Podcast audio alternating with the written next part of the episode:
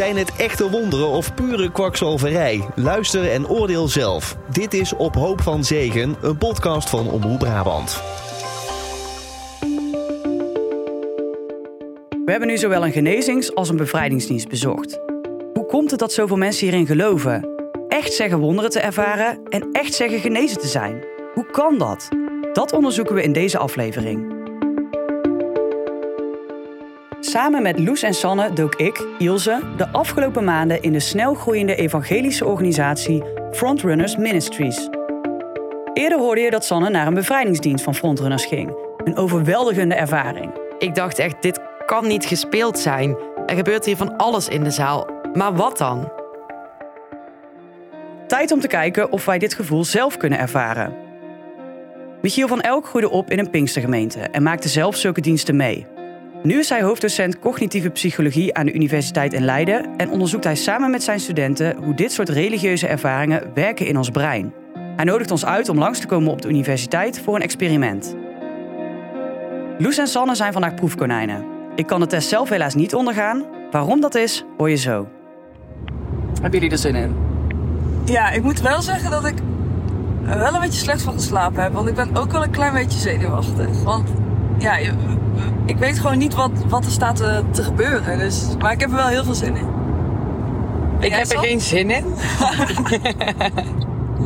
Ook al ik het een beetje spannend vind. Ja, ik heb echt geen idee wat we gaan meemaken. Nee. Gezonde spanning dus. Ja. Ja. Ook, ook een beetje zo eh, alsof we gewoon twee proefkonijntjes zijn. Ja, ja dat ben je ook. Dat zijn we ook. Ja. Hallo. Ik ben Irene. Hi. Ilse, hi. We ontmoeten Leon en Irene, studenten van Michiel. Zij zullen het experiment begeleiden. Is a quiet area? Ze brengen ons naar het lab. We komen in een simpele kleine ruimte. In het midden staat een grote relaxte stoel. Daarnaast staat een karretje waarop verschillende apparaten staan met knopjes en lampjes. En rechts van de stoel staat de helm. Denk aan een snowboardhelm, maar dan met aansluitingen voor verschillende kabels.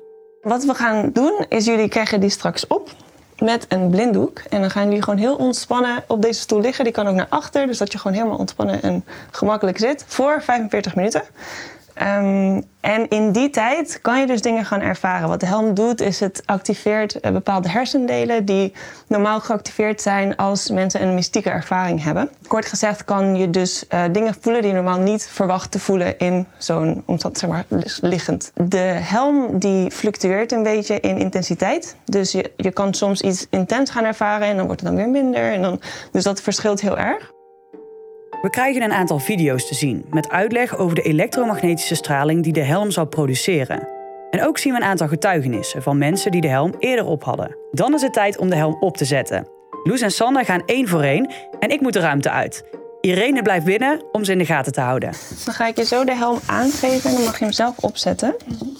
Dan ga ik nu de kabels aansluiten. En dan naar achteren duwt. Oh ja. Oh, dit ligt wel lekker, ja. Ja, je bent gewoon gereed. Loes en Sanne zitten met de helm op in de kamer. In hun oren horen ze een ruis. Ze liggen relaxed onderuit in de stoel en de lichten zijn gedimd. Er is niet zoveel aan hen te zien. Soms maken ze een kleine beweging. Loes wrijft een paar keer over haar benen en Sanne verschuift een beetje. Na drie kwartier zit het experiment erop. Oké, dat was hem. Oké. Ik ga het even allemaal uitzetten en losmaken. Vertel, hoe was het? Ja, eh, apart. Eh, ik had de eerste, ik denk 10 minuten of zo, het gevoel alsof ik aan de druk zat. Ik had helemaal zo'n zo'n warm gevoel. En eh, ik had ook het gevoel dat ik op een gegeven moment moest glimlachen. Ik lag echt zo en dat ik dacht, oh ja, volgens mij komt er nu een glimlach. Maar ook dat op een gegeven moment ehm, had ik ook een, ja, een beetje zo'n onheimlich gevoel over mijn hele lichaam of zo. Dat ik dacht, oh, dat vind ik niet zo heel prettig. Maar was ook zo weer voorbij. Ehm, en op een gegeven moment had ik ook het gevoel dat mijn stoel zo heen en weer ging. En dat ik op en neer ging. Maar eigenlijk alles wel gewoon prettig gevoeld. Maar ik denk de eerste, ja, ik denk tien minuten, kwartier... dat ik echt zo, zo, zo euforisch zo... Volgens mij lag ik ook zo. Ik zo dacht, oh, dit is echt een heel lekker gevoel. Dat klinkt wel een beetje alsof het spiritueel is. Ja, ja. Want ik, ik, ik zei... eh, ik zei net ook ehm, dat ik eh, het gevoel heb of- alsof ik gewoon echt een hele goede, diepe nacht heb geslapen. Ik voel me helemaal weer eh, ja, blij en vrolijk. Je straalt. Ja, dat voel ik me ook. Oké, lekker. Dan gaan we Sanne Ja, ik ben benieuwd wat zij meemaakt. Goedemorgen. Hallo. Zo voelt het wel, ja, alsof ik net wakker word. Hoe was het? Het was wel relaxed, maar ik heb niet het idee dat ik iets ervaren heb of zo. Jammer. Ja, dat vond ik dus ook. En ik dacht de hele tijd, ik zat ook heel erg mijn best te doen om iets mee te maken of zo. Nee, dus ik heb niks spannends te vertellen. Het woord is nu aan Irene. Want wat hebben Sanne en Loes nou ervaren? De helm zelf doet eigenlijk helemaal niks. Dus dit zit gewoon uit. Het is allemaal een nep eh, opzetding. Ja. Ja, en dit wist ik dus al. En daarom kon ik die test niet doen. ja. Voor de rest, dit is gewoon helemaal nergens op aangesloten ook. Het is, eh, ja, die, die, zag wel dat het stopcontact zat. ja er, er zitten wel lichtjes, want we willen natuurlijk wel doen alsof het echt is. Maar, Geloof me, ze hebben me hier later nog op teruggepakt. maar die kabels die zitten niet aangesloten. Ik had het zo niet verwacht. Ja. Wat denk jij dus? Want jij hebt heel veel ervaren. Ja, maar ik, ik weet gewoon dat ik daar zelf ook gevoelig voor ben. Eh, qua emoties en zo ben ik, ik ben gewoon wat gevoeliger. Dus als inderdaad alles wordt afgesloten, dan, ja, ik, dan merk ik dingen. Ja, nou ja, er zijn dus wel mensen die wat meer vatbaar zijn voor dit soort dingen. Zoals je vertelde, mensen die wat opener staan. En natuurlijk, de context is heel belangrijk. Jullie hadden het zelf denk ik ook wel een beetje. Je komt binnen, je bent hartstikke zenuwachtig. Je denkt echt van, oeh, wat gaat er nu gebeuren? Ja, ik, ik had echt spanning in mijn lichaam. En ik heb er vannacht ook slecht van geslapen. Ik dacht, ja, wat, wat gebeurt er allemaal? Want we hadden natuurlijk dat mailtje ook gekregen. Ik dacht, oh shit, maar heb ik me overal wel aan gehouden? En dan bouwt het inderdaad op. Als je iets heel erg wil, of als je, of je heel erg iets verwacht te, te, te gaan gebeuren... eh, dan is de kans ook wel vrij groot dat dat gaat gebeuren. De helm was dus niet aangesloten. Maar door de opbouw naar het experiment toe... en doordat er bepaalde verwachtingen gewekt worden... doet het toch van alles met Loes. Dit zagen we ook tijdens de diensten van frontrunners. Van tevoren moeten mensen voorbereidingsvideo's bekijken, bidden en vasten. En tijdens de dienst worden succesverhalen verteld... waardoor je verwachtingen nog hoger worden. Michiel legt het nog even uit. Sowieso is het denk ik inderdaad niet aan eh, wie dan ook, of ook niet zeker aan de wetenschap, om de authenticiteit van die ervaringen in twijfel te trekken.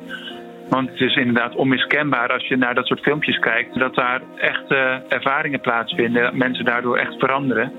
Maar hoe dat verklaren valt, ja, daar zijn, zijn maar zoveel mensen als zoveel verklaringen. Voor iedereen zal het net weer anders zijn.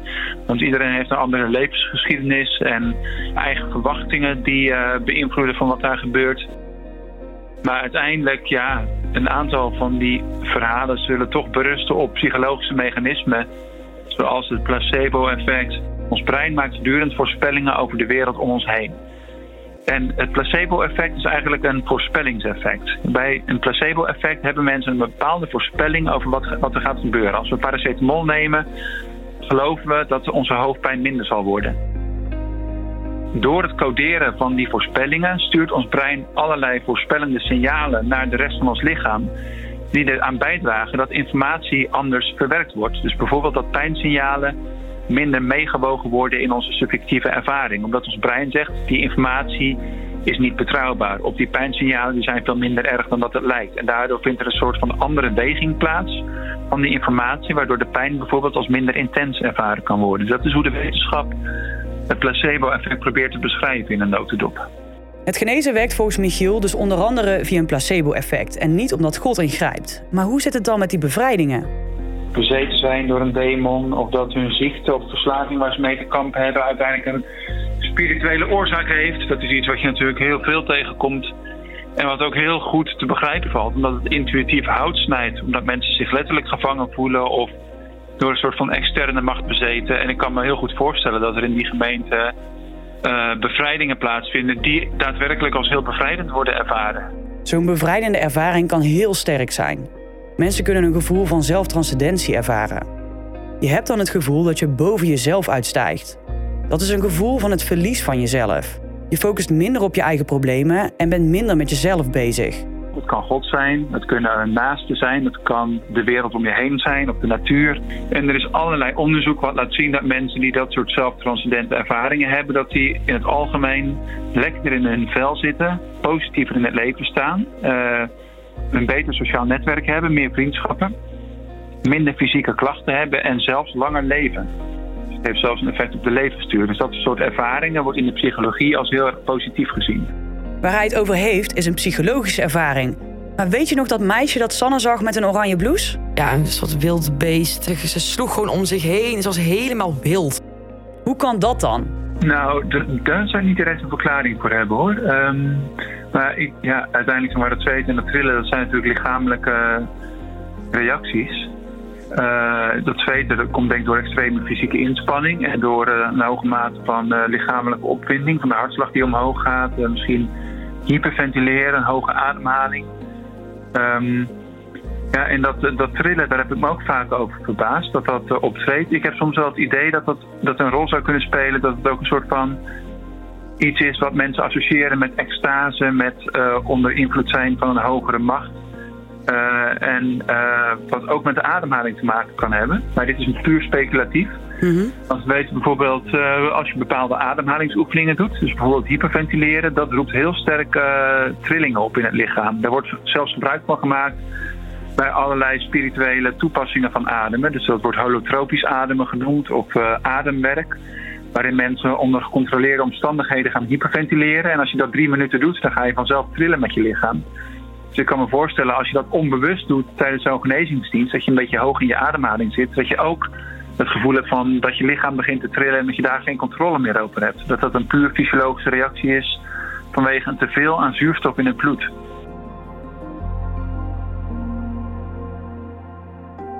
Je hoort weer Menzo, voorzitter van de Vereniging tegen de Kwakzalverij. Hij deed eerder onderzoek naar onder andere Jomanda. Wat vindt hij van dit fenomeen? Het is natuurlijk gek, hè? Als je een rol pepermunt pakt, staan er zes keurmerken op. Want het moet aan alle kanten beoordeeld worden of het veilig is. Maar in de gezondheidszorg hebben we, eh, laten we heel veel toe. Ja, dat, dat vinden we met elkaar kennelijk eh, belangrijk. De manier waarop frontrunners mensen geneest, is een behandelvorm die niet wetenschappelijk onderbouwd is. Daarom is het volgens Menzo kwakzalverij. Mensen mogen geloven wat ze willen. En jij met de Bijbel in de hand kan daarin best wel ver gaan.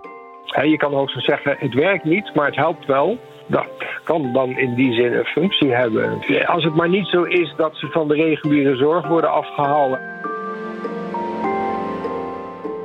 Wat waar niet-gelovigen in twijfel trekken wat er in de diensten gebeurt, hebben gelovigen er duidelijk veel steun aan. Harry James en Lisa bijvoorbeeld, uit eerdere afleveringen. De ervaringen die ze hadden bij diensten zijn van enorm grote waarde voor ze. Daar waar ik gewoon geen toekomstperspectief meer had. Want ik kon niet werken, ik kon, ik kon gewoon bijna niks. Ik kon 's ochtends amper mijn bed uitkomen. En nu kan ik gewoon weer alles wat ik daarvoor ook kon. De eerste dienst gaf voor mij de doorslag om daadwerkelijk te zeggen van jongen, er moet gewerkt worden aan bepaalde punten van je karakter of in je privésituatie. Positieve ervaringen aan de ene kant en kritiek van experts aan de andere kant. Onderzoeker Michiel groeide op met dit soort diensten. Hoe kijkt hij hier nu naar? Ik geloof zelf niet meer in wat daar wordt gepreekt. Maar ik zie wel dat het heel veel mensen goed doet. Eh, en dat eh, heel veel mensen daar baat bij hebben. Ik zie ook de schaduwzijde ervan. Dat er manipulatie plaats kan vinden. Eh, teleurstelling. Valse beloften kunnen worden gemaakt. Ja, maar tegelijk, ja, te- tegelijkertijd denk ik dat de voordelen nog steeds opwegen tegen de nadelen van dat soort gemeenschappen. In termen van sociale steun en netwerken die kerken kunnen bieden voor mensen die daar eh, behoefte aan hebben.